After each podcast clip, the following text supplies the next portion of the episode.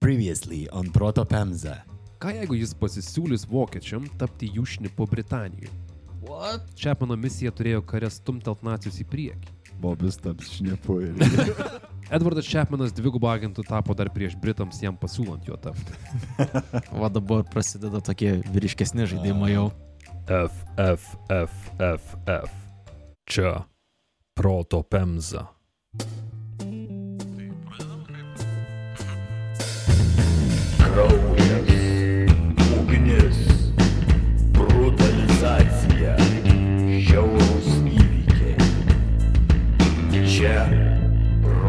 Pemza.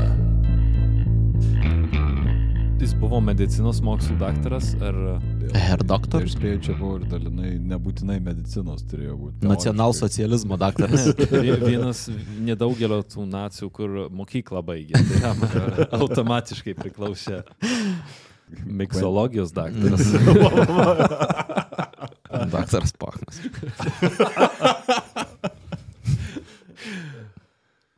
Labadiena ir sveikinu visus, kurie iškentėjo ir savarankiškai neperskaitė likusios Edvardo Čepmano istorijos.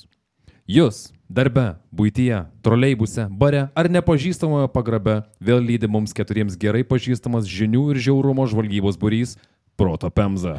Šiandien savo nuostabą ir nuomonę jums iššifruoti pateiks agentas Mažylis Aivaras, Čiambo! agentas Žemaitis Vilius, Įdomus sutapimas, tačiau 2009 metais Remigijus Žemaitatis buvo amžinatilis Rolando Pakso patarėjų, o 2023 tapo Dolbajobu. agentas Kirčiuotė Tomas Ahoj, hoj. ir aš, agentas Gramatika Povilas. Sveiki. Sveiki. Obersturmführeris Jo, jo, būtent, būtent. Praėjusiame epizode Edvardą Čepmaną palikome besiprekinant bombų Biedronkui. Dvigubas šnipas beveik du mėnesius vedžiojęs nacis už nosies turėjo įvykdyti savo misiją - susprogdinti Britų lėktuvų Moskito gamyklą. Jeigu pirmosios dalies neklausėt ir manot, kad šitų dviejų sakinių užteks kontekstui suprasti, tai žinokit, mes turim valandos trukmės įžangą į šitą būsimą istoriją, tai labai siūlom pirmą paklausyti ją. Jei ne dėl mūsų, tai dėl Bobio. Jo, dėl Bobio visada. Mm. Labai tikiuosi, kad Bobis netikėtai atsiras istorijoje kaip agentas.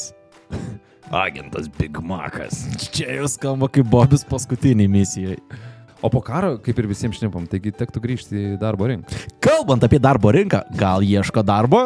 Ar tai yra darbas už tave ruošti epizodus? Gal. Darbe nori aukti ir tobulėti, o ne tik vykdyti užduotis? Prisijung prie tarptautinių krovinių gabenimo ir ekspedavimo kompanijos Baltic Transline. Kiekvienam, kuris turi noro ir nebijo iššūkių, Baltic Transline suteikia galimybę kilti karjeros laiptais ir tapti sprendimų prieimėjais. Ne 90 procentų Baltic Transline vadovų yra užaugę įmonės viduje. Nenori siekti vadovo pozicijos? Nesiek. Turime daugiau nei 40 skyrių, todėl tikrai galėsi keisti pozicijas įmonės viduje. Baltic Transline ieško transporto ir ekspedicijos vadybininkų, IT, pardavimų, buhalterijos, apskaitos specialistų. Priimk iššūkį aukti, prisijung prie komandos Kaune, Vilniuje, Klaipėdoje, Kėdainiuose, Visagine ir svarbiausia - Marijampolėje. O Punske? Būtum pats savo bosas. Visi modernios darbovietės privalumai ir naudos ir hybridinė darbo galimybė. Kažkiek dienų iš Punsko, kažkiek iš ofiso. Neturi patirties, bet esi kupinas motivacijos mokytis, susisiek aptarti galimybės. Gyvenimo prašymą siūsk elektroniniu paštu atranka eta baltictransline.lt arba apsilankyk www.baltictransline.lt. E, Tai epizodui pačiam teks ruoštis. Taip. Deja. 1943 sausis. Stalingrado mūšis ėjo į pabaigą, o Hitleris žmonėms tvirtino, kad rytų fronte jiems sekasi puikiai. Nors tame mūšyje ir nedalyvavo, bet mediniai britų lėktuvai Moskyrau nervavo nacius. O ypač parnusi Hermanas Göringas, kuris lygindamas moskitus su nacijų technika yra sakęs, kad kada nors po karo nusipirks britišką radiją, kad savo vokiškose namuose turėtų kažką veikiančio. Polai atsiprašau, bet nervina. Ai, čia tu mane pataisai? Wow. Skanu. O aš jau- medicinos paragavus.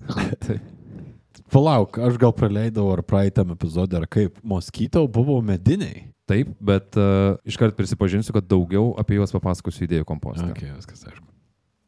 O ką dar papasakosi? Nu tai apie lėktuvus. Mm, O ką dar? Galiu papasakoti apie, ką žinau, orą, apie serinius žudikus, galiu visą Red Hot istoriją papasakoti, dar apie kitokius lėktuvus galiu papasakoti, galiu papasakoti apie Apple techniką, galiu...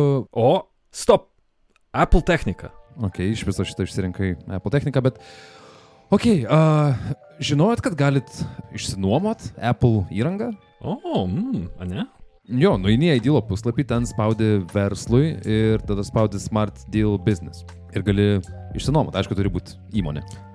Smart Deal Business yra paslauga skirta bet kokio dydžio verslui. Be didelių investicijų išsinuomok Apple įrenginius pasirinktam laikotarpiui ir išlaisvink savo verslą nuo finansinės naštos, susikoncentruodamas į darbus. Lankstus įrangos pasirinkimas kartu su visapusė iDeal pagalba. Procesas labai paprastas. Užteks išsirinkti įrangą ir pateikti įmonės kodą. Kelios minutės ir jūs jau turite Apple prietaisus. Nuomotis iš tikrųjų pigiau, paprasčiau ir patikimiau. Įmokos fiksuotos visą laikotarpį, kiekvieną mėnesį ta pati sąskaita. Nereikia jokio pradinio įnašo.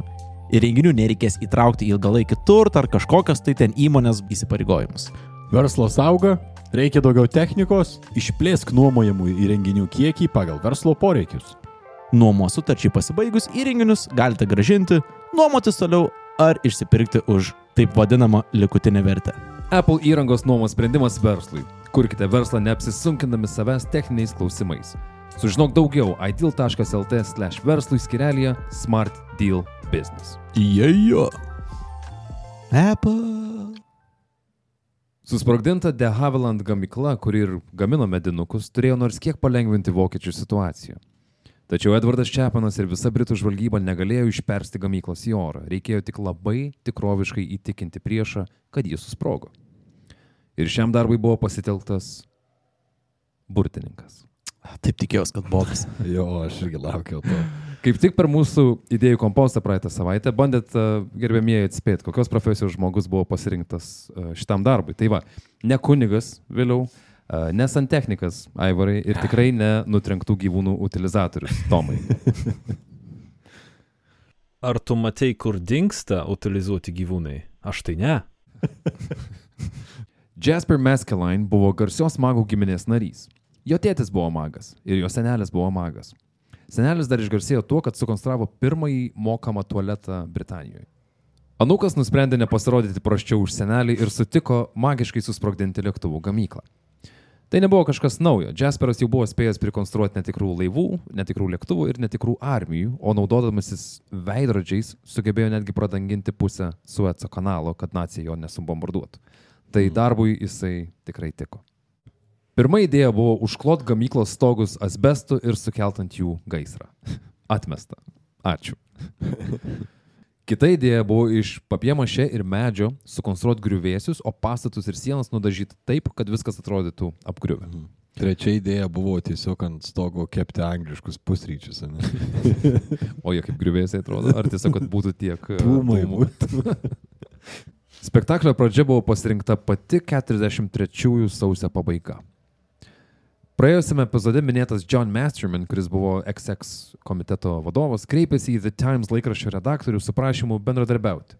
Bet redaktorius mandagiai atsisakė tvirtindamas, kad šita bendradarbystė sužlugdytų nepriklausomą laikraščio nepriklausomybę. Bet jis pasiūlė kreiptis į The Daily Express, kurio redaktorius mielai sutiko padėti. Melui sutvirtinti reikėjo atspausdinti, žinote, laikraštį. Sausio 29-ąją prieš pat vidurnaktį De Havilando gamyklą supurtė sprogimas. Mago Meskelaino komanda kibo į darbą ir nakties tamsoje gamykla tapo apgavystės skeveldrų paroda. Čepmanas daktarui Gramonui išsiuntė žinutę, kad misija įvykdyta. Daktaras atrašė. Sveikinu su geru Valterio rezultatu.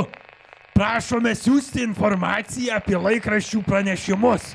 Padarysime viską, ką galime, kad pasirūpintume jūsų grįžimu.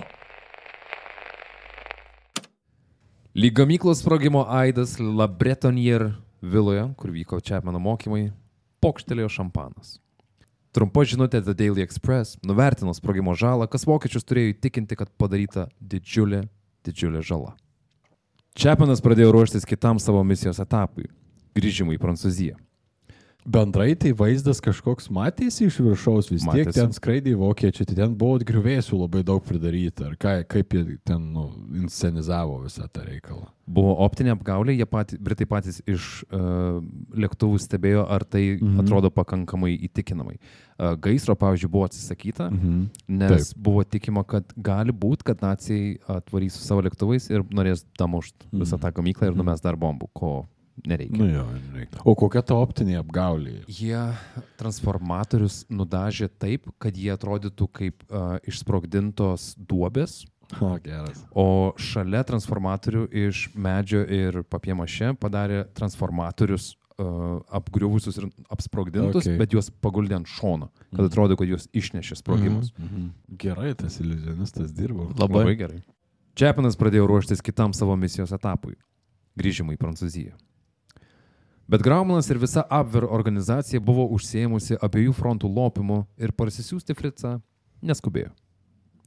Turėjau rūpešių ir taip. Jo. Britų žvalgyba skilo į dvi nelygės dalis. Vieni matė Čepaną kaip tėvynės didvyrį, kiti kaip nepatikimą egoistą, kuris galų gale Didžiai Britanijai padarys daugiau žalos negu naudos. Prieš išleidžiant zigzagą į Prancūziją su juo pasikalbėti panoro Viktoras Rothschildas, prisistatęs kaip ponas Fischeris. Barono titulą turėjęs turčių vaikas Viktoras pagal išsilavinimą buvo biologas, bet prasidėjus karui gavo darbą žvalgyboje. Rothschildas vadovavo B1C skyriui, kuris užsėmė kontržvalgybą, o labiausiai užslėptų nacijų bombų išminavimu. Viena iš B1C užduočių buvo užtikrinti, kad Čerčilio cigarai nebuvo užminuoti. Hmm. Taigi pokalbių tema su Čepmenu buvo aiški. Profesionalus vagis valandų valandas pasakojo milijonieriui lordui apie slapčiausias nacijų sabotažo strategijas. Tuo metu Britų žvalgyba suriktavo agento Zigzago misijos tikslus Prancūzijoje. Surinkti kuo daugiau informacijos apie Abver, sutikti su bet kokia misija ir tik tada susiskambinti su Britais. Beliko tik labai gerai pasikartoti istoriją, kurią Čepmenas suoks naciams. B1A, šnipų organizacijos vadas Tar Robertson, instruktavo Čepmeną. Visada kalbėk lietai, taip nuslėpsi dviejonės. Sukurk neapibrieštumo įspūdį. Netrodyk pastabus. Sudaryk įvaizdį, kad esi suglumęs, išsigandęs ar kvailas. Suvaidink girtumą ar nuovargį dar prieš tai, kai jie iš tikrųjų pasireiškia. Įdomu, kad nesako negerk iš viso, ne? Tai įtarimas iškart būtų, ne? Čepmenas išsiuntė naciams žinutę, kad tie atsiųstų transportą. Nacija atrašė, kad kol kas tam nėra galimybių. puiku savo šnipui. Laisvų automobilių šiuo metu nėra. Agentas susiparino, bet net ne dėl to, kad negaus pasiviešinti povandeniniu laivu, o dėl to, kad buvo stumiamas pasirinkti alternatyvų kelią - pro Portugaliją. Polai, o kodėl kelias per Portugaliją nėra Zen kelias? Portugalija kaip ir neutrali valstybė, man rodos, tuo metu. Taip, tu teisus, bet tai yra tiesiog ilgesnis kelias ir tai įtraukia daugiau žmonių, negu kad turbūt Čepmenas arba Britų žvalgyba norėjo. A, ok, ilgesnis Daugiau kelias, daugiau rizikos. judančių dalių negu turėtų Taip. būti, ne? Okay. Taip. Čepmenui nepatiko, kad vokiečiam jis atrodo nelabai rūpėjo. Dėmesį atkreipti buvo išsiusta žinutė su penkiom P raidėm. Ar atsimenat, ką penkios P raidės? Ne, primink. Penkios P reiškia, Kad persekioja jau kažkas jį. būtent. O. Mm, okay. Bet nacijai nesureagavo. Wow. tai rodytųsi, kad jie kinda. Pasinaudojo Čepmenu. Jo. Tai, Jo. Jie gal nesitikėjo, kad jisai išsprūs. Manai, kad jie siuntė Čepmeną į tokią kamikazišką misiją? Gal. Kodėl ne? Arba, žinant, nacijus skamba kažkas panašaus į tai, kaip projekto vadovas pasikeitė ir projekto vykdytojai niekas nepasakė ir jis kažkur pasimetė. Tada dviejose laikraščiuose buvo patalpinti trumpi straipsniai, kad sulaikytas vienas iš Jelly Gang narių. Aišku, Britų žvalgyba patalpino tos straipsnius. Po dar vienos žinutės išsiustos vokiečiam, kad Jimmy Hunt buvo sulaikytas policijos ir kad jis galimai flipins ir pasakys viską apie Čemaną, tai va tada jau nacijai sureagavo. Bet tapo aišku, kad vienintelis kelias į Prancūziją buvo per Portugaliją. bet šitas faktas, kad jie sureagavo tik tai po žinutės apie bendrininko pagavimą, rodo, kad jie žinojo apie Čepmeną, bet Mhm. jiem buvo visiškai nusispjaut ant jo. Paaišant tokį paveikslą, atrodo, kad naciam naudingiausia būtų buvę, kad Čepmanas būtų susisprogdinęs kartu su visa gamykla. Faktas, jo. O tuo pačiu šitoje situacijoje atrodo, kad e, nacijai dabar galvoja, kad Čapmanas neturi kitos išeities, tik tai kaip grįžti į jų glebį. O kol buvo ruošiami dokumentai, ieškomas laivas ir laikomi čiūrai, kad zigzagas neišduos Britų, buvo laiko agresyvioms šnipo melo repeticijoms. Čepmaną tardė jam nepažįstami agentai, kurie jo tikrai, tikrai negailėjo. Įdomi repeticija gaunasi, net su savo Mm. sceną repetuoji, Taip. Su visais propsais Taip. Ir visais kitais dalykais, jau nebebus pirmas kartas, kai tave iš tikrųjų tardys. Praėjo mėnuo. Buvo suderintos net smulkiausias detalės. Jeigu galimai kankinamas Čepinas išsiduotų, kad dirbo dvigubo agentų, reiktų pasakoti, kad Britai jį palaužė grasindami nužudyti Fredą, jo dukros motiną. Per kalėdinį feilą pamirštos F raidės būtų panaudotos kaip jo bandymas pasakyti vokiečiam, kad jis buvo sulaikytas. Kaip viskas, look how the turntables. Taip, taip. Prieš išvykstant Čepinas dar sugebėjo išsiderėti, kad Britai Fredai mokėtų penkių svarų mėnesinę pašalpą. Dabar jau tikrai buvo pasirūpinta viskuo ir agentas Zigzagas galėjo pereiti į daug pavojingesnį žaidimo lygį. Kalbant apie kuo pavojingesnius jau nuotikius, viešnagės Londone metu Edis buvo užsiminęs, kad grįžęs pas nacijus jis gali pamandyti kai ką, kas kem ketvirtų vasarą nepavyks Klausui von Stauffenbergui Susprogdinti Hitlerį. susprogdinti Hitlerį. Bet Britai atkalbėjo Čepiną nuo šito plano, nors jam ir buvo žadėta vieta pirmose eilėse per Hitlerio kalbas, ko jisai pats ir paprašė. Ir tai galėjo būti puikia galimybė.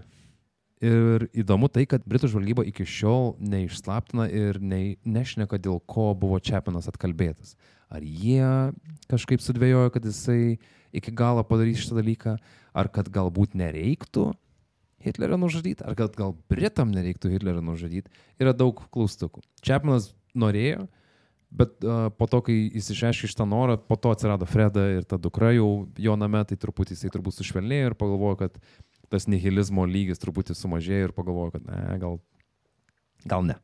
Plus įsivaizduoju, kad Britų žvalgyba turėjo tikriausiai suvokti, kad į pirmą eilę niekaip nebūtų pasadintas žmogus, kuris buvo dvigubo agent. Aš sunkiai įsivaizduoju pirmoji eiliai, kad ir koks tu esi dvigubas agentas, bet Britas. Jo, būtent. Kuris buvo grįžęs į... Mm. Jo, Jo, tipo, no jo, tiesiog way, ne. Prekybinis laivas City of Lancaster, jo kapitonui Reginaldui Sandersonui Kyronui, buvo trečiasis. Pirmus du nuskandino nacijų povandeniniai laivai. Karo metu sėkmingai ir nelabai plukdęs Britanijai reikalingas žaliavas, kapitonas ruošėsi savo 30 jūreivių komandos kelioniai į Sierra Leone, kai uoste prie jo priejo savotiško lavono veido vyrukas. tai buvo Ronnie Reed. Šitą barį galėjo suprasti visi, kurie praeitą savaitę klausė mūsų idėjų komposto, o kas neklausėt, lauksim jūsų kontribį, kur papildomas turinys yra prieinamas už viso labo 74 tūkstančius Sierra Leonės leonų. Wow. Tik tiek. Rydas kapitonui Kyrnui pasakė, kad prie jo laivo įgulos prisijungs kapitono padėjėjas Hugh Ansonas. Ansonas - buvęs kalinys, kuris iš Britų vyriausybės gavo pasirinkimą - kalėjimas arba darbas laivynė. Tai čia buvo istorija, kurią kapitonas Kyrnas turėjo papasakoti savo jūreiviams. Iš tikrųjų tai, aišku, buvo Čepmenas, kuris su kuo labiau tikroviška istorija turėjo nusigauti iki Lisabonos, kur išlipęs iš laivo į jį nebesugrįžtų. Bet tai turėtų nenustebinti įgulos, kurie pagalvotų, kad Ansonas tiesiog pabėgo nuo odinio teisingumo botago. Kapitonas buvo laikomas pakankamai patikimu, kad jam būtų papasakota tikroji istorija ir jis buvo įpareigotas pristatyti Čepmeną iki Portugalijos sostinės. Taip pat kapitono seife buvo užrakintas vokas su Colt revolveriu ir 50 svarų, kurį agentas gaus tik atvykęs į vietą. Šiaip tai Hugh Ansonas, šitas vardas ir šitas žmogus egzistavo. Jis buvo The Jelly Gang vairuotojas. Ir tuo metu, man atrodo, saugiai užrakintas kalėjime. Čia yra PSYOP pagrindai. Duok kažkiek tiesos, kažkiek melo. Turi būti atitinkamas miksas. Šiaip jau Britų žvalgybai buvo sunku padirbti visus jūreivių reikalingus dokumentus, tai kelis dokumentus jie netgi pavogė. Buvo sutartas žinučių, kurias Čepanas siūs Britams formatas. Kadangi būnant pas nacijus Čepanui radio aparato nebereikėtų, nes kam tau skambinti į Mhm. Britaniją, Britai aparato net neįdėjo Čepanui. Balandį tiesiog. Tai grįžus būtų sudėtinga jam kažkur sėdėti ir klausytis radio bangų ateinančių iš Anglijos. Tai susitarimas buvo toks, kad kai Čepanas gaus progą nusiųsti radio žinutę Britam, Ronnie Reed The Times žurnale užpirks skelbimą, kurio tekstas bus, cituoju, ponia West dėkoja anoniminiam aukotojui už 11 svarų dovaną. Antras skaičius šitoj sumoj turėjo reikšti, kiek žinučių gavo Britai. Tu siunti žinutės į orą, ne? mhm. tu tikiesi, kad kažkas jas gaus. Ir e, Britai tiesiog tam skelbėme, jeigu įdėtų, pavyzdžiui, e, 23 svarus, tai reiškia, kad jie gavo 3 žinutės. Tik priminsiu, kad e, ponia West buvo Crespinį gatvės namo, kur gyveno Čiapanas, kai Britam Mhm. dirbo namų tvarkytoje. Nice. Čiapanas su Rydu dar padarė tokius spastus. Čiapanas naciam pasakė, kad jeigu kokiam vokiečių agentui reikės pagalbos, tai jie gali skambinti nurodytą numerį ir pasakyti frazę. Skambina Liu Laibichas, nori pasikalbėti su Jimmy. Jie manys, kad kalbės su Jimmy Hunt, bet iš tikrųjų atsilieps Ronnie Reed ir suteiks tokią pagalbą, kad šnipas su laiku bus susemtas. Grįžkime į laivą, kuriame Čiapanui buvo pasakyta prisistatyti kitos dienos ryte. Ta vakarą Britų agentai jį pametė uosti, bet vėliau rado bare. O pametę dar kartą, rado Čiapaną kažkokiu būdu įėjus į jų viešbučio kambarį ir užsisakusi maisto ir alaus į kambario sąskaitą. į Britų žvalgybos sąskaitą. Galima į tokį incidentą žiūrėti su šypsena, bet pasitikėjimo zigzagų tokia situacija nelabai sukėlė. Nuo išspiros iš lėktuvo rytų Anglijoje praėjo du mėnesiai, o ryte Edi Čiapanas leisis į pavojingiausią savo darbo etapą. 1943 kovo 15. Pirmadienis. Laivas City of Lancaster išplaukė iš Liverpoolio. Kita statelė - Lisabona. Kapitonas Čiapanui iškart pasakė, kad su juo elgsis lygiai taip pat kaip su kitais įgulos nariais. Bet Čepino jis paprašė vaidinti atskalūną, kad tik vėliau įvyksantis jo pabėgimas iš laivo būtų kuo tikroviškesnis. Kapitonas įsitraukė į spektaklį. Nice. Pakeliui vokiečių bombonešiai nesusilaikė apšert laivą bombom. Tik sėkmė ir nacijų klišumas neišmetė agento zigzagų už borto. O šioj pusėje borto jo darbas buvo nešiot arbatą kapitonui plaut, valyti ir laukti kito bombardavimo arba iš povandeninių laivų atplaukiančių torpedų. Po trijų dienų laivas išbelstais nuo sprogimų langais ir į laivą galimai niekada nebelipsiančių Čepmenų atplaukė į Lisaboną. Tuo metu miestas buvo vadinamas informacijos ir dezinformacijos turgumi. Agentai pirko ir keitėsi informaciją į kairę ir į dešinę. Abvero organizacija net turėjo savo barus ir viešnamis, kuriuose iš Britų jūreivių įvairiais būdais traukdavo naudingą informaciją. Mm. Kin įdomus laikai Ai. turėjo būti. Pirmoji Čiapino misijos užduotis buvo pasimti kelis kolegas iš laivo ir gerai, gerai prisigerti viename iš Lisabonos barų. Čia tikriausiai nebuvo Britų pasiūlytas planas šitas, ne? Nemanau, Ne. kad jis buvo darbo tvarkiai. Tai atskalūnų likti jam nepasisekė šitam laive, nes susirado draugus, su kuriais galėtų nueiti prisigerti barą. Taip, bet matai, prieš draugus irgi reikia kažkokį tai įvaizdį palaikyti, kad jis... Aš yra toks atskalūnas, kad eikim kartu su manim ger. Kažkaip įsivaizduoju, kad jis stovi prie baro sėdi ir jis visą laiką tiesiog kiekvieną sakinį ir pradeda, blemba, aš toks atskalūnas. Šiandien pakyti, fuck, aš toks atskalūnas. Ir jie visi, you're so mysterious. Nu. Išgertuvių metu Edis užsiminė keliems bendravandeniams, kad jis planuoja susitikti su vienu draugeliu ir prisijungs prie jų vėliau. Tada mirktelėjo ir pranyko pro duris. Sėdėsi taksi Čiapanas pasakė adresą, kurį žinojo dar nuo savo mokymų pradžios. Seuma Medė gatvė 50, kuri vis dar egzistuoja, bet niekas nepasakyti. Ko Edis nežinojo, tai kad ten esanti nacijų slėptuvė buvo sukompromituota. Duris atidarė jauna mergina ir agentas Fritzas pradėjo nuo slaptažodžio. Žolie Albert. Mm. Praeitam epizodė minėjau, kad vienam iš e, Nanto viešnamių Čiapanas su kolegom vokiečiais vis sutikdavo tokį vyruką, kurio pravardė buvo Jolie Albert. Tai tai tapo slaptažodžiu. Laužyta portugalų kalba jis pasakė mergaitai, kad yra Fritzas ir jam reikia pasikalbėti su senioru Fonseca. Sin. Nesureagavo. Pabandė tą patį tekstą keliom kalbom. Vis tiek nieko. Kažkas ne taip. Paprašęs paskambinti, Čiapanas buvo palydėtas į šalia esančią kavinę. Surinko numerį, kažkas atsiliepė. Žioli Albert. Vėl pradėjo Čiapanas.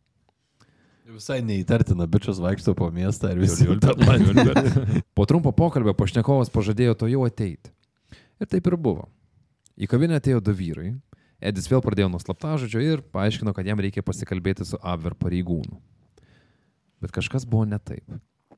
Vyrų veidai persikreipė iš nuostabos ir tiek užteko, kad Čepmano vidinis atsargumo alarmas pagarsėtų iki 11. Abiem vyram pasakęs, kad apsiriko, Čepmanas pradėjo bėgti. Mažiausiai tartinas elgesys. O jis gal netyčia iššoko pro langą.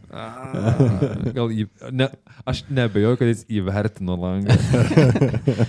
Bet dėja buvo trečias aukštas. Tai... Pamatė tuos dekoratyvinius portugalų langus ir pagalvojo, ah, gaila, gaila, ne. Pagal mano kartografinę analizę, Čepanas nubėgo apie 600 metrų tiesiai į George barą. Niekas stipriai nesivijo, kaip suprantu, 600 metrų nėra daug. Ne, tipo, ne. Netgi, niekaip. kai žiūri Google Maps, atrodė juokingai čia už dviejų gatvių. Tai, tai tie, kas, jo niekas negaudė. Ta prasme, no way, kad jį kas. Ne, okay. Padusės įvirsta į barą duolaus. Ir abu man. Ir uh, how you doing? Visiškai fucking archeris šitą vietą. Spastai? Jei taip, kieno? Ar vokiečiai jam davė neteisingą adresą, nes žino, kad jis dvigubas agentas? Buvo daug klausimų, ne? Čia post not clarity, ne? Ir pas, pas čiuvaką čia. Bet kitą rytą jis nuėjo į vokiečių ambasadą ir administratoriui pasakė tą pačią istoriją. Toks How kaip, you doing? kaip šnepu irgi gerai, taip neišėjo keturai nu jam pasakė. Į oficialius šaltinius jau, kur kreiptis reikia. Nu, jis visus adresus, telefono numerius ir vardus mm. jau sudegino, slaptažodis neveikė ir jau ėmėsi visų savo nuraminimo priemonių, kurias tik tai galėjo rasti tenai. Alus, barmenės. Ir vokiečių ambasada. Nu tada jau oficialiais kanalais kreipėsi.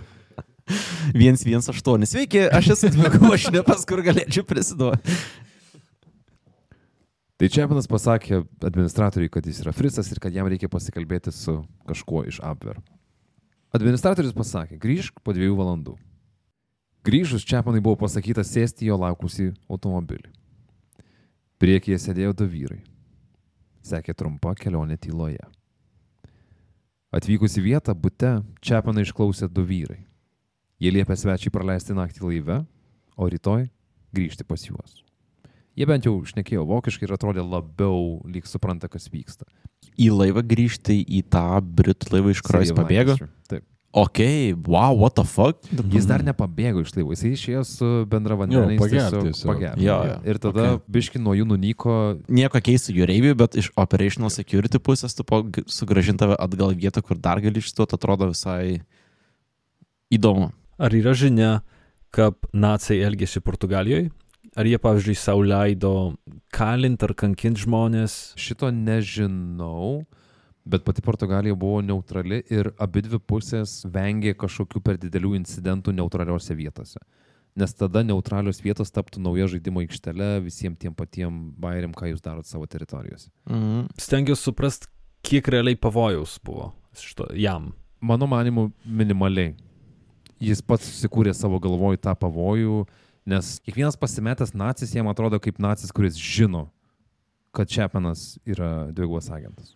Tai čia jau dvigubo agento paranoja veikia visiškai. Jau Manau, dar net kad taip. atvažiavus iki Vokietijos, jis jau tokioj parkiai yra, kad tu jau visko bijai pakeliui, jau įsivaizduoji pavojų kiekvienam žingsnį. Ir kaip tu sakai, potencialiai nėra pavojus kažkokio, bet tu jau bijai Nu, taip, iš nes- anksto. Edžiui grįžus į laivą, kapitonas buvo labai nepatenkintas. Prieš visą įgulą jis apriekė Čepiną, kad tas be leidimo dvi dienas trankėsi po Lisaboną. Čepinas, aišku, atsikirto atgal ir buvo pakviestas griežtam pokalbiui su kapitonu. Scena suvaidinta nepriekaištingai. Likus dviese Čepinas papasakojo kapitonui, kokia nesąmonė jį ištiko krante ir koks biurokratinis košmaras yra Abver organizacija. Kaip sakė kapitonas Kyronas, Jis mane įpareigojo pranešti Britams, kad uh, Abver organizacija dirbo lygiai taip pat kaip mūsiškiai Londone. Sakė, kad Roniui patiks tai girdėti. Kitą dieną Edis prisistatė į vakarykštį adresą. Jį pasitikęs vyras prisistatė kaip Baumanas, atsiprašė už vakar dieną ir pakvietė Brendžiui, cigarui ir pokalbiui. Baumanas atrodė buvo susipažinęs su Čepmeno byla ir pasiekimais Anglijoje. Susitikimui įgavus zigzagui tinkamesnį formatą gimė idėja. Čepmenas papasakojo Baumanui, kad mokymo metu vokiečiai primokė jį pasigaminti bombą, kuri atrodytų kaip anglies gabalas. Tokios anglies, kurią jūreiviai metai į laivo variklį. Tokios anglies, kuri nežinia kada ištaško laivą į metalo konfeti bangose. Jeigu Baumanas jam parūpintų porą tokių bombų, tai dar šiandien Čepmenas sumestų jas į bendrą anglių krūvą laive, kuriuo atplaukė iš Britanijos. Abviro organizacijoje galiojo taisyklė vengti sabotažo, kuris būtų padarytas iš neutralios Portugalijos, todėl Baumanui reikėjo pasitarti su valdyba. O Londone dvigubų šnipų agentūros vadas Tommy Tar Robertson tądien gavo du dalykus - pačių slapčiausių šaltinių suvestinę ir metaforinį širdies smūgį. Čepmenas Lisabonai dar tik dvi dienas ir jis jau laisvai siūlosi susprogdinti Britų laivą. Triple cross. Robertsonas svarbiausia tikslu iškėlė laivo saugumą, bet liepė netrukdyti Chapmanui, nebent bus visiškai aišku, kad jis tapo trigubų agentų. Ar tada grįžt į viengubą agentą? Ne, trigubas, nes dirbo vokiečiam, britam. Britai vis dar galvoja, kad jis dirbo jiem kaip dvigubas agentas, bet iš tikrųjų dirbo vokiečiam, tai trigubas agentas. O tai yra limitas ke keliagų Ne, atsimenu, prie tam epizodui ir buvo kalbėta, Jo, kad jo, jo. Infinite yra šitas. Įdomu, koks yra daugiausiai levelių pasiekęs žmogus planetos istorijai. Kiek yra iš tų. Aš net žodžiais nežinau, kiek- kokį didžiausią skaičių. Ten jau, kur prasideda sinusai, kosinusai. Britų užsienio žvalgyba MI6 pradėjo ieškoti, ką čia iš savo žmonių išsiųsti į Lisaboną, nudaigo Chapmaną. O Robertsonas sako, palaukit, palaukit, palaukit, palaukit. Gal nacijai net nesutiks su šitu planu susprogdinti laivą. O tada nacijai sutiko su planu susprogdinti laivą. Jie visą šitą gauna iš kažkur savo agentų tenais. Britai- Patys slapčiausi šaltiniai. Ką vokiečiai siunčiasi tarpusavį. Britai viską skaito. Viską- Britai viską skaito. mato. Taip. Gali būti, kad visai naudinga priemonė yra galėti skaityti visas savo priešų žinutės, Mm. kurias, kurias jis siunčia. Turbūt. Turbūt. Mhm. Įdomu, ar dabar taip yra. Ne, ne, ne. O ne, jie įsijungė VPN. Robertsonas nusprendė, kad geriausiai prie Čepano gali prieiti tik vienas žmogus. Bobis. Ir jis sugrįžta su cigaru iš. Jau irgi savo visą arką turėjęs per, per tą laiką. Ten, žinai, Su, su, surandu per vieną. jo, šonas apskrudęs vienas, žinai, kažkas bandė iškepti per tą laiką. Aviatoriai ant šnipo. The things I've seen. tai tas žmogus buvo Ronnie Reed. Reedai buvo liepta mikliai skristi į Lisaboną ir surasti zigzagą. Situacijos suvaldymo priemonės buvo neribotos. O tuo metu Edi Chapmanas Baumano kabinete gerėjosi dviem anglies gabalais. Pareigūnas informavo agentą, kad jo naujasis pasas ir kelionė į Prancūziją paruošti. Beliko tik grįžti į laivą paskutiniam pabėgimui ir palikti dvi juodas špygas pasitikėjimo loteriją pralošusiems Britams. Grįžęs į laivą, Čepanas paslėpė bombas tarp savo daiktų. Kapitonas jam buvo pataręs, kad tiesiausias kelias iš laivo yra per muštynės.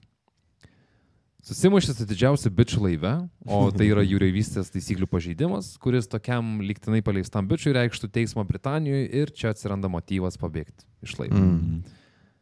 Čepanas grįžo į laivą ir pylė tiesiai kolegai į nosį. Ir anot jo truputį prasleido atgal.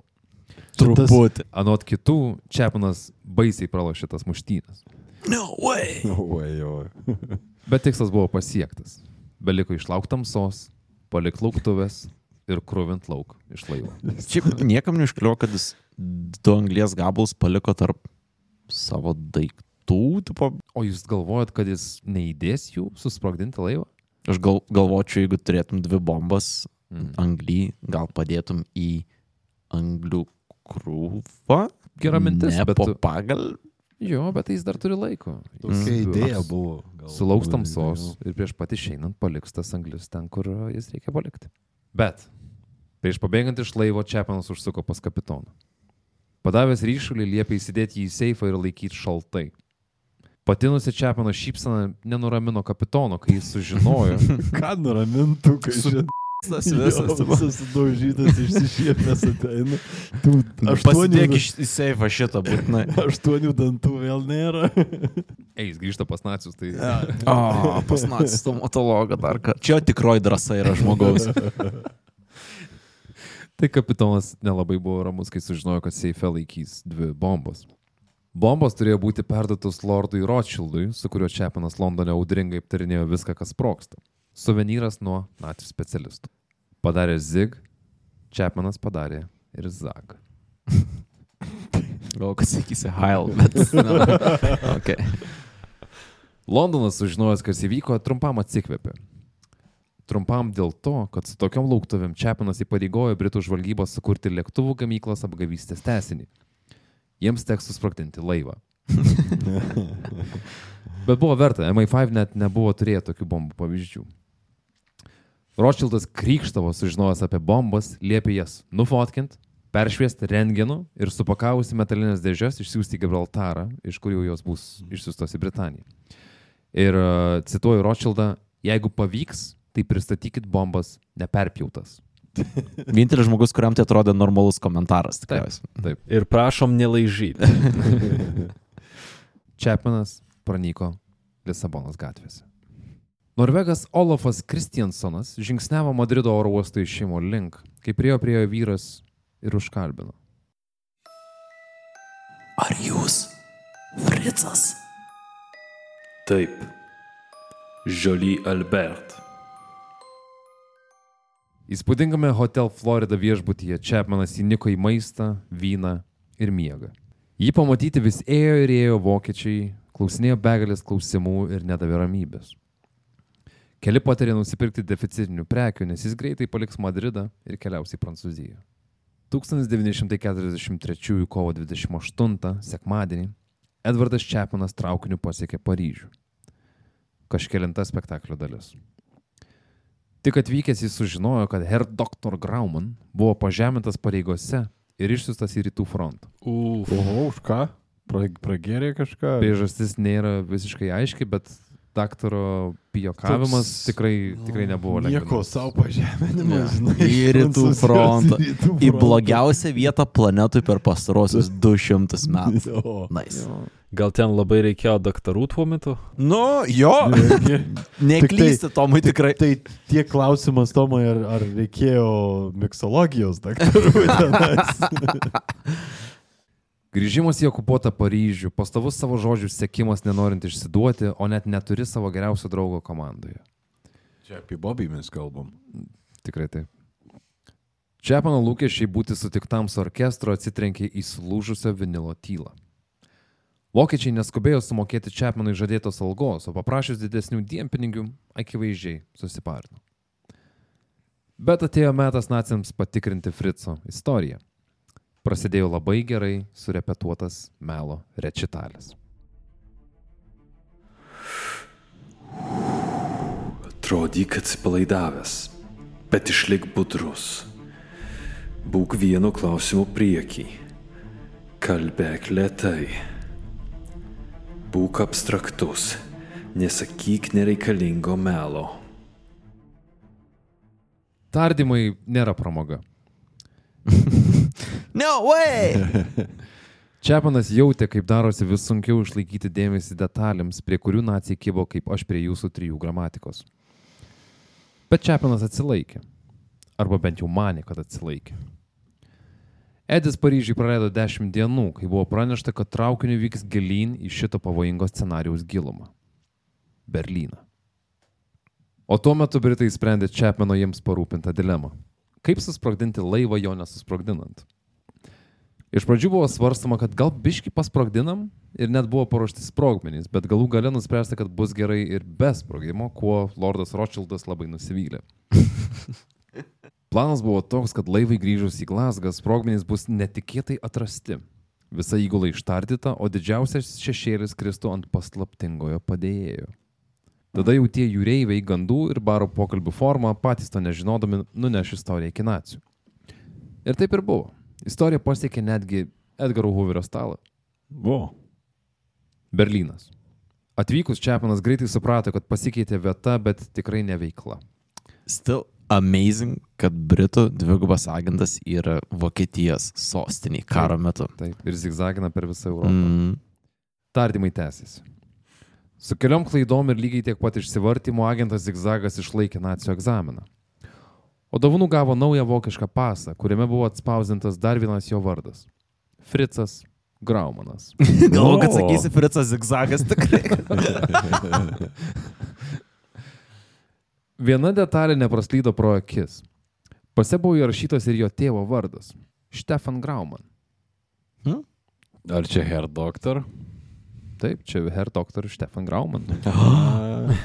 Ir e, buvo keista. bet- Frankensteinas, žinai. Jo, bet kod, nu, why? Čiapanai pasirodė, kad, blemba, gal Graumanas grįž į eterį. Bet tuomet pats Čiapanas dingo iš eterio. Jo. Jo vardai ir slapyvardžiai nebepipsėjo pačiuose slapčiausiuose šaltiniuose. Jis dingo. Ar gavo pasą į mirtį? Ar jis vis dar Berlyne? Sužinokite kitoje pastraipoje. Va, ir mes darom prielaidą, kad Britai visą laiką galėjo klausytis bent jau iki tol, kol galėjo. Net kai jis buvo Berlyne, kol buvo minimos Čepmano slapyvardis, tol jie girdėjo, kas, kas vyksta. ne? Ant tiek jau yra buvo vokiečių Taip. komunikacija. Okay. Tik tai dabar bėda, kad tu gali klausytis, bet Nieko e, negirdi. Turiny nėra Mhm. nieko apie jį. O tuo metu, už beveik tūkstančio kilometrų nuo Punsko ir beveik tiek pat nuo Berlyno, viena seniai matyta ranka paspaudė kitą. Bobi. Ar tai tu? Kanopa sustinkas. Ar... Deja. Motherfucker. Per dvi skirtingas istorijas bėgė Chapmanas ir daktaras Graumanas vėl susitiko. Tik tai, kad šį kartą Osle. Abu vyrai susitikimą pradėjo nuo rimto sugerimo, o jau kitą dieną sėdo kalbėtis. Bet Graumanas buvo daug švelnesnis kodėlčius negu kiti nacijai. Atrodė, kad nesuklastota draugystė padėjo išvengti įtampos. Arba tai buvo spastai paspesti žmogaus, kurio tikrojo vardą Čiapanas vis dar nežinojo. Dokumentinis tėvas Fritzui leido atsipalaiduoti, įkurdino viešbutį Oslo centre ir suorganizavo dienpinigių. Per dvi savaitės Herr Doktor paruošė ataskaitą apie Čepano nuotykius Britanijoje ir pristatė ją vadovybei, kuri lygiai taip pat kaip Britai skilo į dvi dalis. Vieni Fritzui norėjo dėti medalius, o kiti - ginklą prie smilkinio. Bet Britai savo melagienas buvo paruošę idealiai, todėl Herr Doktor džiugiai pranešė Čepmanui, kad jo istorija ir premija buvo patvirtinti Reichstage. Dar buvo ir dovana. Čepanas ją gavo už savo misiją, bet manau galima sakyti, kad tai Britų žvalgyba gavo dovaną už geriausią scenarijų, scenografiją, specialiuosius efektus ir pagrindinį aktorių. Dovana buvo geležinio kryžiaus medalis. Wow. Ok. Tokius turėjo Hitleris, Göringas ir savo vertę jau įrodė vokiečiai. Tai čia didžiausias, man atrodo, apdovanojimas Mhm. tarp Atrodo. nacių buvo. Dienomis Čepanas voliojosi po miestą, o vakarus leisdavo baruose. Atėjo įsakas išmokyti Fritzą vairuoti jachtą, nes gali būti, kad kitoj misijoje teks pasiplaukioti. Po pamokų jis net gavo jachtą dovanų.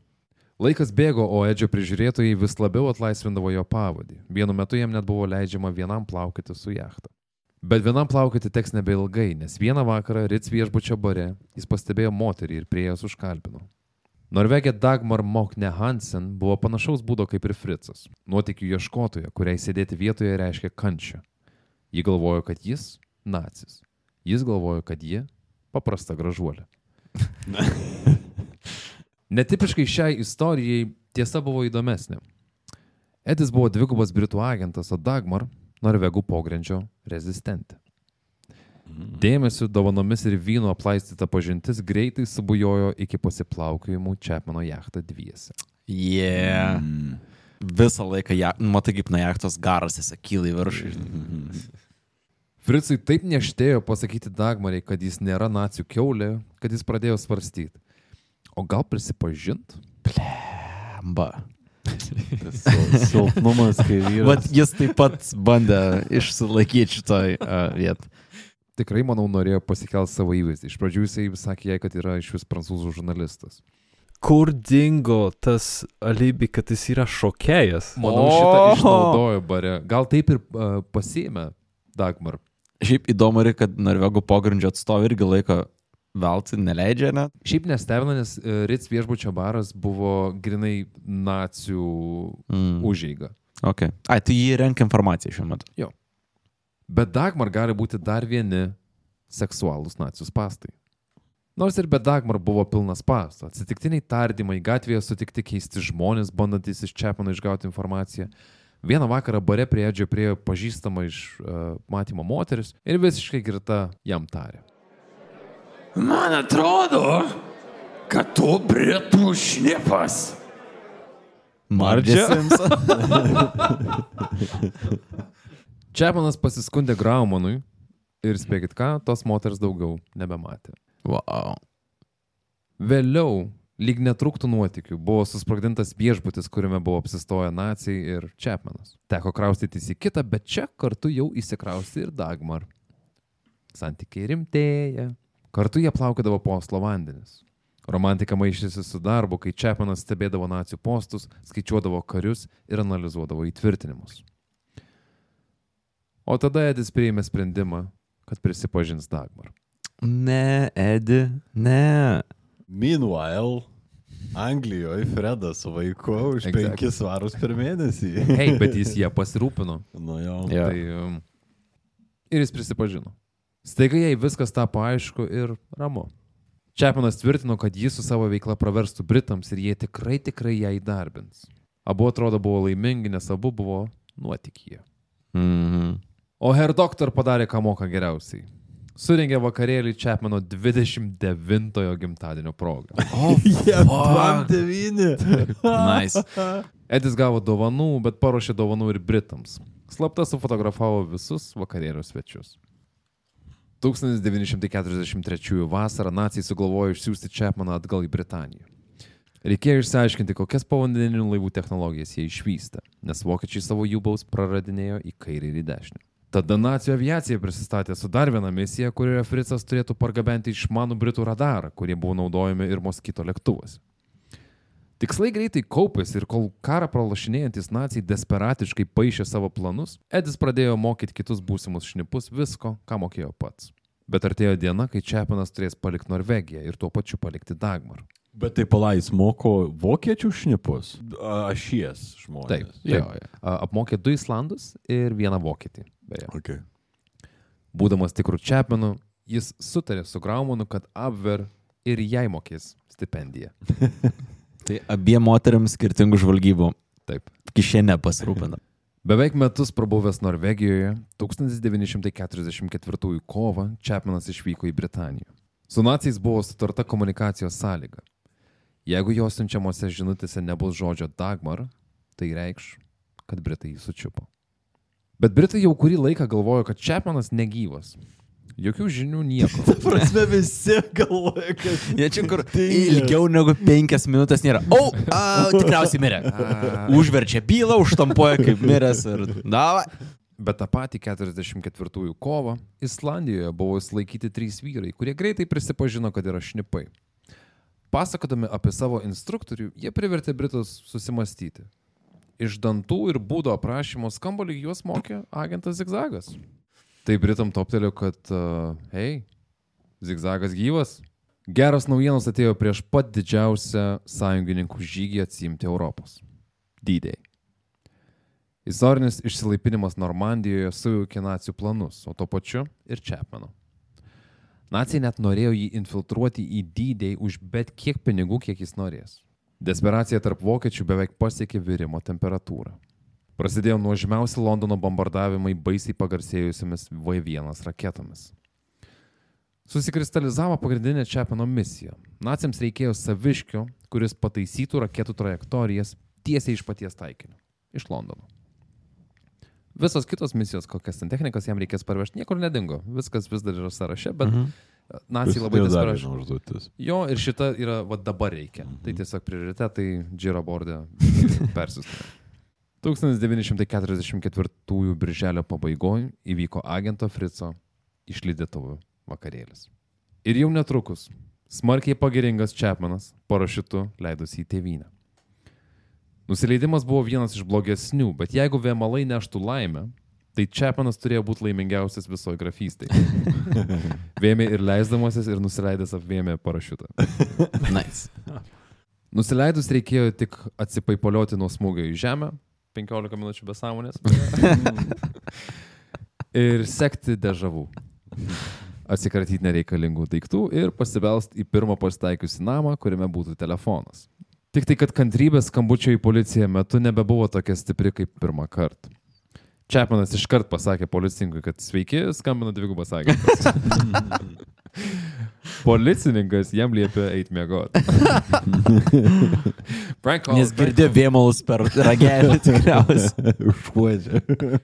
Pagaliau susisiekus su Ronnie Reed, paklydėlį susėmė pareigūnai ir pristatė tiesiai į stovyklą 020. Kitą rytą pailsėjęs zigzagas išpylė beveik metų trukmės nuotikių informaciją ir atidavė lauktuves. Fotojuosta. Britai plojo atsistoję, bet prisimerkė. Dežavų tęsiasi. Kaip mums žinot, kad jis mūsų jau čia ketvirtų kokiu ratu neišdurinė? Bet sutikrinus Čepmano išpiltą informaciją ir suprantant, kad nėra nieko, ką jis galėtų padaryti, kad pakeistų jau karo tiekmę, buvo nuspręsta Edžiu pasitikėti. Agentas Zigzagas paruošė savo pirmąją žinutę daktarui Graumanui. Kietas nusileidimas, bet viskas ok.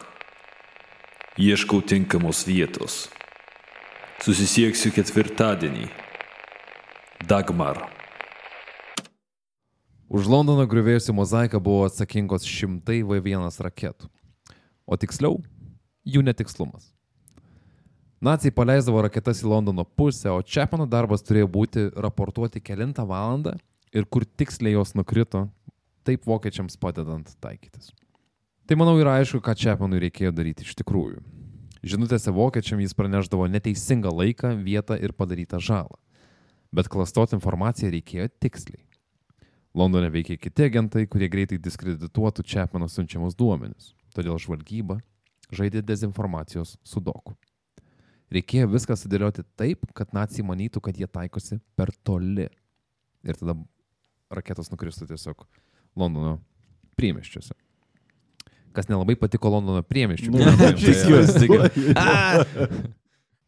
Deja, po mėnesio šitam planui sutrukdė laikraščiai pradėjo spausdinti, kur ir kada krito vokiečių raketos. Bet pačiu laiku buvo atgabentos prieš raketinės sistemos iš Amerikos, kurios sėkmingai naikino V1 raketas. Čepanas perėjo prie kitos misijos. Vieną dieną Edis buvo informuotas, kad Ronnie Reed nebebus jo prižiūrėtojų, nes yra siunčiamas į misiją Prancūzijoje. Rydas buvo vienas svarbiausių Čepmano bendražygių, todėl naujiena kirto per moralę. Kaip įrodymą, kad bendradarbiai buvo artimi, atsisveikinant, Čepmanas Rydui padovanojo iš nacijų gautą metalinį kryžių. Wow. Tai kas pakeitė Rydą? Bobi? Bobis Pietų Amerikoje. Pats pirmas. Majoras Michael Wright karjeros laiptais užlipo nepotizmo dėka. Visiška priešingybė Čepmanui jis greitai sudėliojo naują zigzago misiją - būti išmestam iš žvalgybos. Trintis prasidėjo dėl mūsų istorijos herojų gyvybiškai svarbaus resurso - pinigų. No way.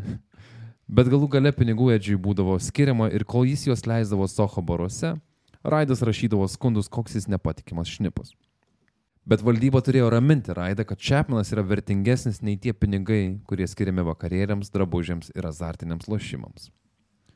Bet Raidui reikėjo tik palaukti, nes pasibaigus karui, Čepmano paslaugų greičiausiai nebereikės.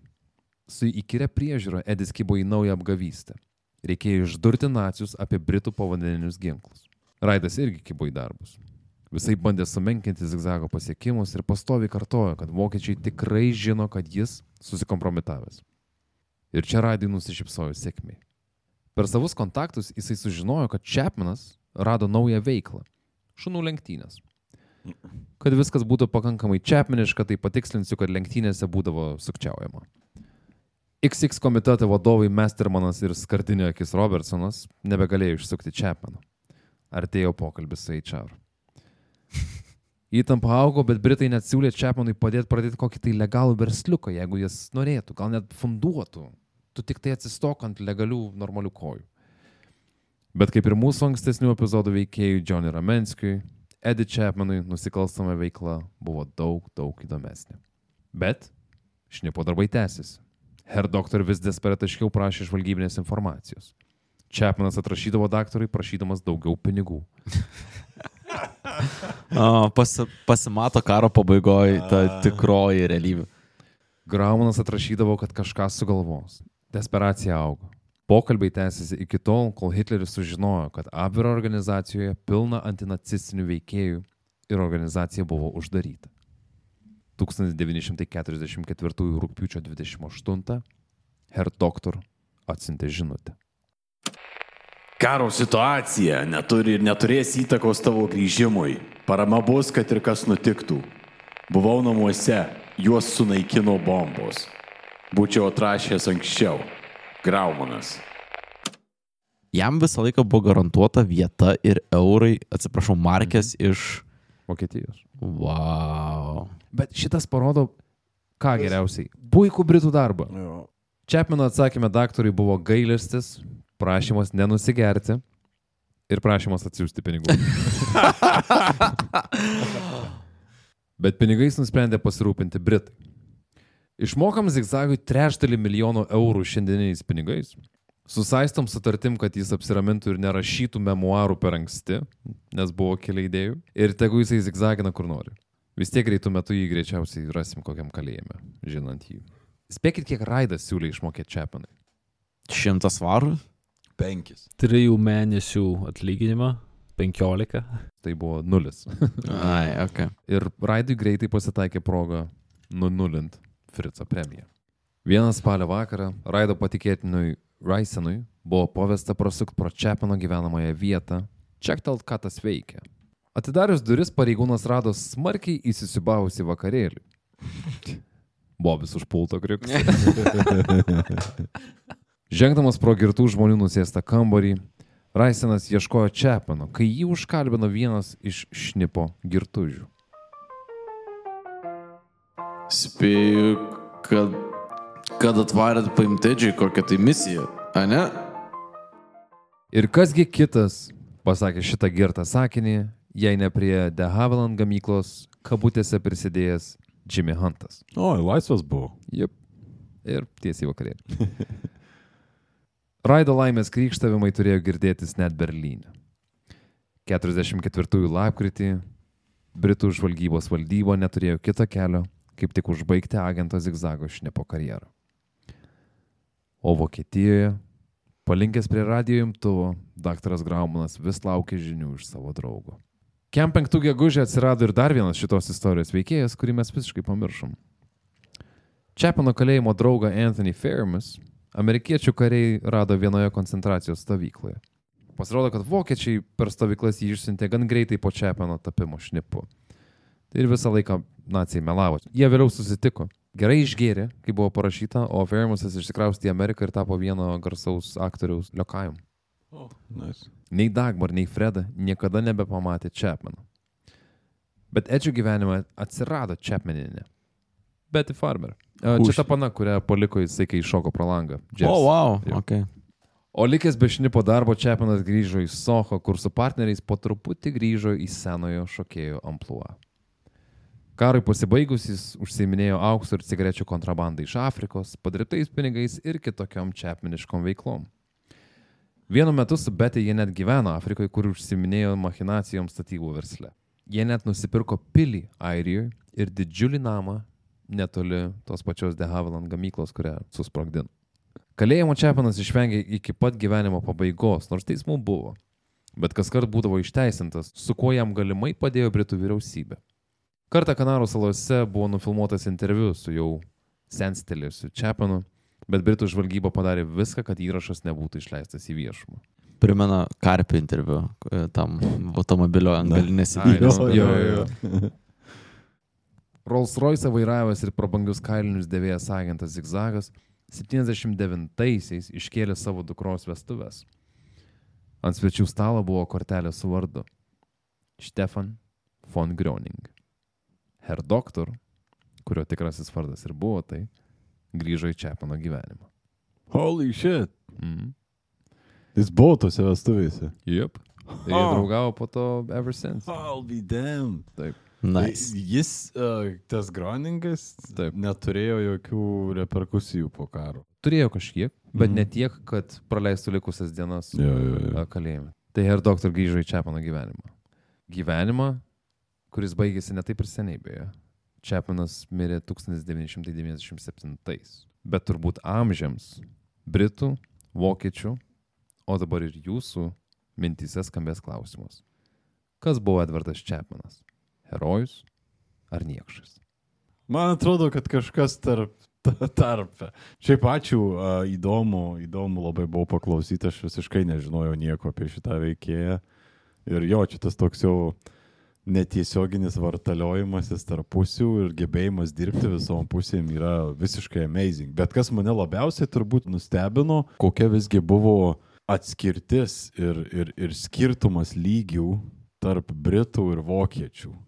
Aš žinojau, kad jisai yra tas, tas skirtumas, bet kad jis buvo, nu, taip atitolę, jie buvo vienas nuo kito savo, nu, šnipinėjimo ar gebėjimo kažkaip tai atsekti kažkokius dalykus prasme, tai čia yra wow. Ir aišku, tas Čapmenas ir jo gebėjimas turbūt vartytis labai daug prisidėjo prie viso, viso šito, už kurią prasme. Tai dėkui kažkam, kad jisai pasirinko galiausiai būti toj teisingoje pusėje. Tebūnė ir neturėdamas galbūt labai taurių jausmų iš viso to. Bet labai įdomu, ačiū, kad apšvietė. Labai bus įdomu pasikuisti ir šiaip apie, apie kitus istorijos veikėjus ir patį Čapmeną. Čia įdomu ta vietoje, kadangi mes viską realiai gaunam iš to, ką Čiapinas papasakojo realiai po karo, ne didžiąją dalim. Ne tik. Jo, Jo, bet vis tiek, nu, didesnė dalis yra jo suformuotas naratyvas šitą vietą. Tai kaip mes žinom dabar, kad, tarkim, e, situacija su anglies bombom, ne? Ir jis kinda be jokio prašymo e, tą visą diversiją sukūrė, ne? kad galėtų perduoti bombas Taip. Britam. Įdomu, kiek buvo tokių meškerių užmesta nacijų pusiai, apie kurias jis niekam nepapasakojo Jo, galiausiai, jo. nes laimėjo tą pusę, kuri, kuri laimėjo. Ne? Ir, tikriausiai įsivaizduoju, kad Čepinas, mano galvoje, yra toks žmogus, kur kad ir kuri pusė bebūtų laimėjus, jis būtų ir žmoną turėjęs toj pačiu, jau paruoštą karo Jo, metu, jo. turėjęs ir va tų pačių istorijų apie kažkokią tai bombą ten stilės, bet uh, perėjo galiausiai visą tą arką į pusę, kurią galiausiai mes. Confidence man. Jo, e, e, visiškai, bet nežinau, iš visos istorijos, tai man toks, tokia mintis kyla, kad jeigu ne tie milijonai mirusių žmonių per karą, skamba kaip žiauri įdomu, įdomus laikotarpis, kai uh, gali atrasti save, patirti nuotikių kažkokių ir jeigu esi banditas su labai ilga patirtim iki kol tau yra 25 metai. Bet labai įdomu, Polai. Ačiū, ačiū tau už tą e, istoriją. Puikiai istorija. Čapmanas neįlinis žmogus ir tų šnipų daugiau norisi. Aš tikiuosi, kad dar jų turim sąrašą. Šiaip tas aspektas, kuris mane užkabino, tai yra tokis psichologinis, ką sakytau.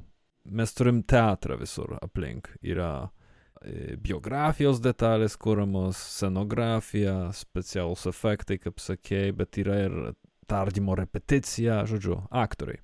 Ir tada tas teatras taip internalizuojamas, kad jau nėra aišku, kas yra teatras, o kas nėra. Taip kaip jis elgėsi Čapmanas Portugalijoje, ar ne? Jis iškart pradėjo lygioj vietoj pats klopt, nes tikėjosi iš visur išdavystės, tikėjosi iš visur dvigubų, trigubų agentų, kad visi žino, visi mane mato. Ir iš vis, va, du klausimai. Pirmas tai yra, kaip uh, susidorot su ta paranoja, kuri tave visą laiką kažkur už paties tapšnoja. Ir tada antras tai yra, ar tai lieka su tavim visą gyvenimą? Ar nėra taip, kad jis paskui lakstė į Afriką ar kur ten da, dėl to, kad negalėjo pilnai pasitikėti tuom, kas aplink liko. Tai įdomus likimas. O vat, ar jis buvo niekšas, ar jis buvo herojus, tai man atrodo, atsakymas man yra aiškus. Jis buvo ir tas, ir tas. Viešumoj savo nuopelnais jis buvo herojus, man atrodo. Ir šitą parodo tas, kad jis iš karto atsidavė Britam, kaip pirmą kartą nusileido. Man atrodo, jis nebuvo durnas, jis suprato, kad nacijai yra niekšai. Bet privačiam gyvenime jis buvo absoliutus šunsnukis ir aš tokio laido, ko savo gyvenime tikrai ne, nelaikytau. Tai dėkui. Po abiejų šitų dalių, man atrodo, gana aišku, kad pagrindinė motivacija jo buvo asmeninė nauda ir pinigai ir nuotykiai. Tai kuri pusė galėjo pasiūlyti didesnius, geresnius ir kažkiek saugesnius tokius variantus, tai tą ir rinkdavosi. Įdomu, kiek dar būtų kartų uh, kursavęs. Praėjęs šitą visą kursą. jo. Jo, jo. Šiaip įdomu, nes jis po 30 atrodo visiškai gyveno, jam turėjo gyvenimas, bet labai pakankamai nuobodus palyginus su tuo, Jo, net su visom varkiam Jo. Pietų Afrikoje. Aš tikiu kontaktai, kuriuos užmesgė žvalgybai karo metu, jie niekur nedingo per tą laiką. Ir know-how, žinai, institucinė atmintis ir visi kiti dalykai tikrai liko. Darbas žvalgybai dvigubų agentų buvo geriausi nusikaltelio kvalifikacijos kelimo kursai, O jo. jis galėjo gauti. Pačiu intensyviausiu momentu šitiem kursam. Koks, kokie tik tai galėjo, koks tik tai galėjo būti. Nice. O galiausiai ir mes žinom, kas Bobiai nutiko, ar, ar liko istorijos. Legenda teigia, kad jisai sulaukė ramios senatvės vienam Argentinos kaime. Tai Tomai tavo versija yra, kad Bobis buvo nacijų agentas visgi. Va čia ir įdomu, kad mes nežinom iki galo. O galim leisti klausytojams pabaigti Bobio istoriją? Ja, jūs Nes, komentaruose papasakot, kaip jums Bobis baigė istoriją iš tikrųjų. Kaip, kaip jūsų galvo baigėsi jo pasaka galiausiai. Gal jis pabėgo su vienu iš lėktuvų, nupilotavo. Jo, a- pavyzdžiui, a- aš galiu tik Madeira. pasakyti, mano galvo jis yra su kožant pliko kūno, aviatoriais, be jokio fucking kelnių, prie bombonišio kažkur skrendant, žinai, į, į saulėlį tiesiog. Top Jo. Gun, tik tai vietoj Tomo Kruzo idėjai parašą. Taip. Kinda, jo. ir, ir bombonišis yra antro pasaulio karo bombonišis, Taip, nenaikintuvas. taip, taip. Tai aš linkiu Bobui šviesaus uh, atminimo, Mūsų neapdainuoti herojai.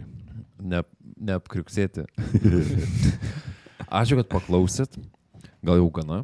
Noriu priminti, kad uh, mus taip pat galite rasti Facebook platformoje, Instagram'e, kars nuo karto ten kažką parašom, atrašom. Taip pat nepamirškim, kad yra labai dabar svarbus kertinis momentas sužinoti, ką šneka Lenkija. O jo, dabar Jei mėgstat e, istorijas apie šnipinėjimą, ypač kviečiu. O taip pat galim susitikti beveik bet kurioje socialinėje platformoje išskyrus Wikipediją. Net Twitter'e O. turim akantą, bet mes ten jo visiškai neadministruojam. Jo. Oh, wow. uh, šiandien tiek.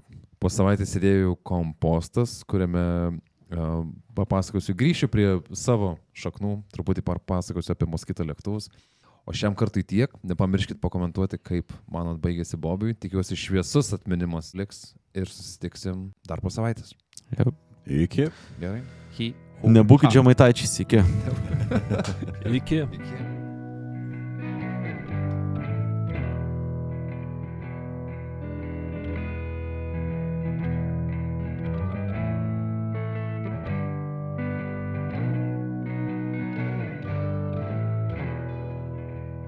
Na ir pabaigai noriu padėkoti, kad išklausėte epizodą. Dar vieną, jau šiam penktą. Taip. Pažadam, iki metų galo dar paserviruoti visai uh, įdomių istorijų. Bet šiam kartui norim padėkoti didžiausiam savo rėmėjui.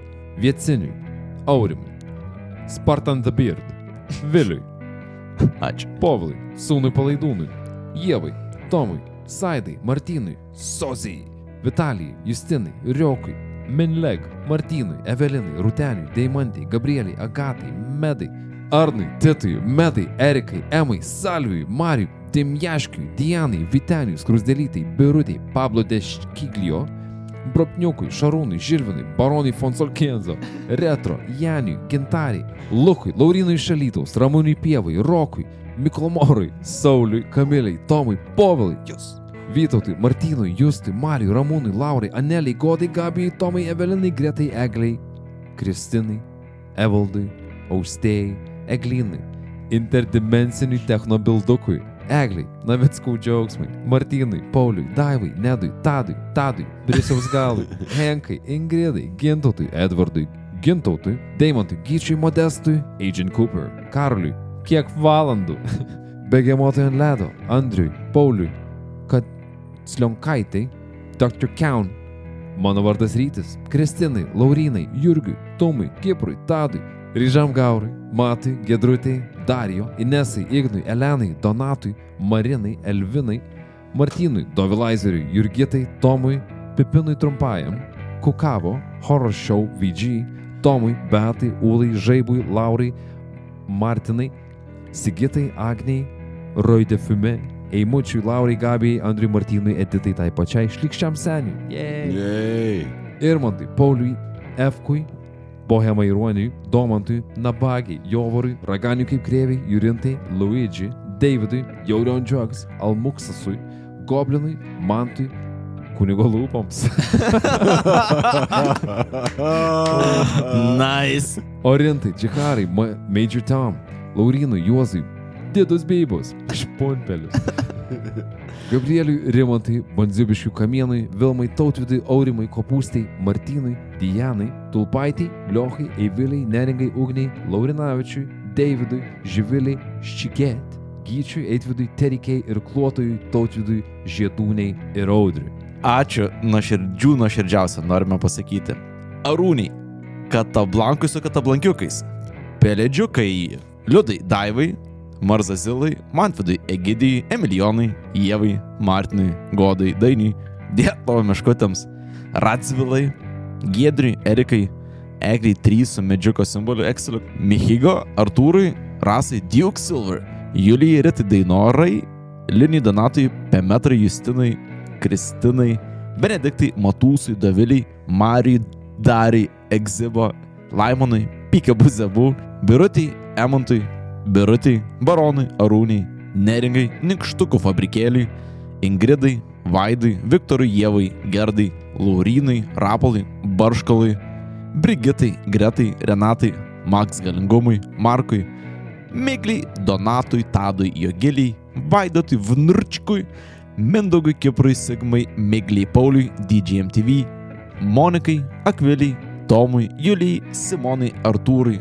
Donatui, Džiugui, Mindaugui, Pauliui, Domantui, Samantai, Reinaldui, Martynui, Reptilijui, Ugniai Barborai, Simonui, Austėjai, Elvinui, Šarūnai, Vytautai, Agnainiai, Lagaminui, Juliai, Arnai, Čerliui iš Verdansko, ponui Jori Kompostui, Gvidui, Medžiai, Justinai, Igniukui, Rūtai Viltai, Antanui, Urtai, Egliniai, Viktorijai, MD, Pauliui Renatai Audriniui, Mr. Mindaugas J.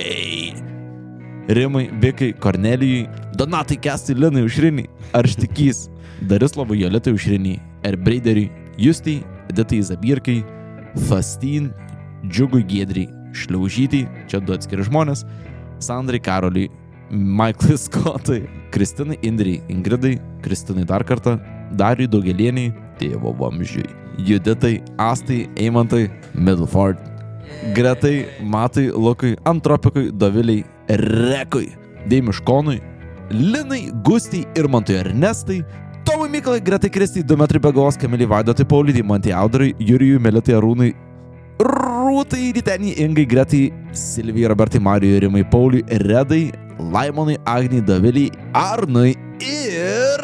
Nuoširdžiai dėkojame Mindaugui, Doviliai, Egliai, Meškiui, Donielaitei, Robertai, Augustai, Mikipūrui, Soliukiai, Geruliai, Almantui, Justui, Vytautui, Migliai, Dariui, Dėdėjai, Tomui, Mantui, Kučkaitei, Tadzikučiui, Benui, Editai, Žygimantui, Linai, Egliai, Simui, Gediminui, Evelinai, Sauliui, Tadui, Vygai, Arnoldui, Raimondui, Solveigai, Povilui, Raimondui, Mykolui, Mantui, Simui, Bitskai, Gretai, Jonui, Marijai, Mildeliai, Mindaugui, Aušrai, Doviliai, Albinui, Emon Zemon, Elijui, Martynui, Irmantui, Karolinai, Liudui, Vyriau Pank, Dievui, Agurkui, Gailiai, Inai, Pisimantui, Viliui, Remigijui, Dariui, Nesai, Gintai, Ritai, Ekliai, Aidai, Monikai, Skirmantai, Viliui, Kristinai, Emantui, Alvitai, Mariui, Vytautui, Tomui, Egliai, Julijai,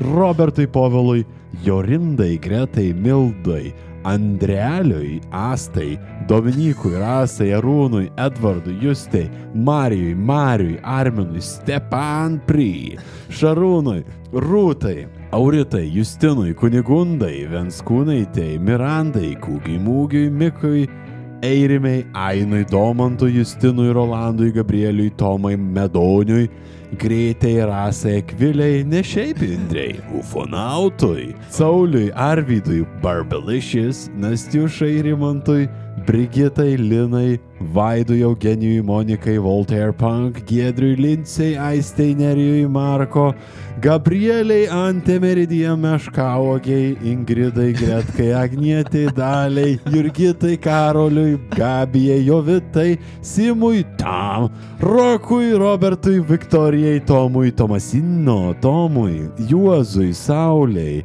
Gerdukai, Davidui, Pauliui, Agniai, Šarvuotam, Simonui, Justinai, Mantui, tyliai tyliai, Vaidošiui su V, Jurgitai, Gabrieliui, Erikai, Linui, Martynui, Gyčiui, Serui, Taučiui, Živiliai, Andriui, Lukui, nu taigi Tomui, G, Simonui, Ptšč, Benui F, Neringai, Bučinskaitė, Kamiliai Giedrei, Sigitai, Benui, Pauliui ir Vaidzei.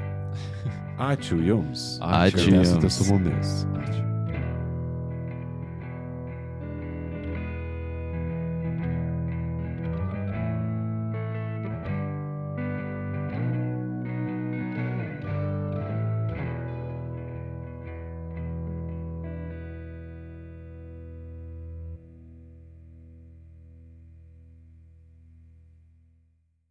Ta tokį odinį švarką turi.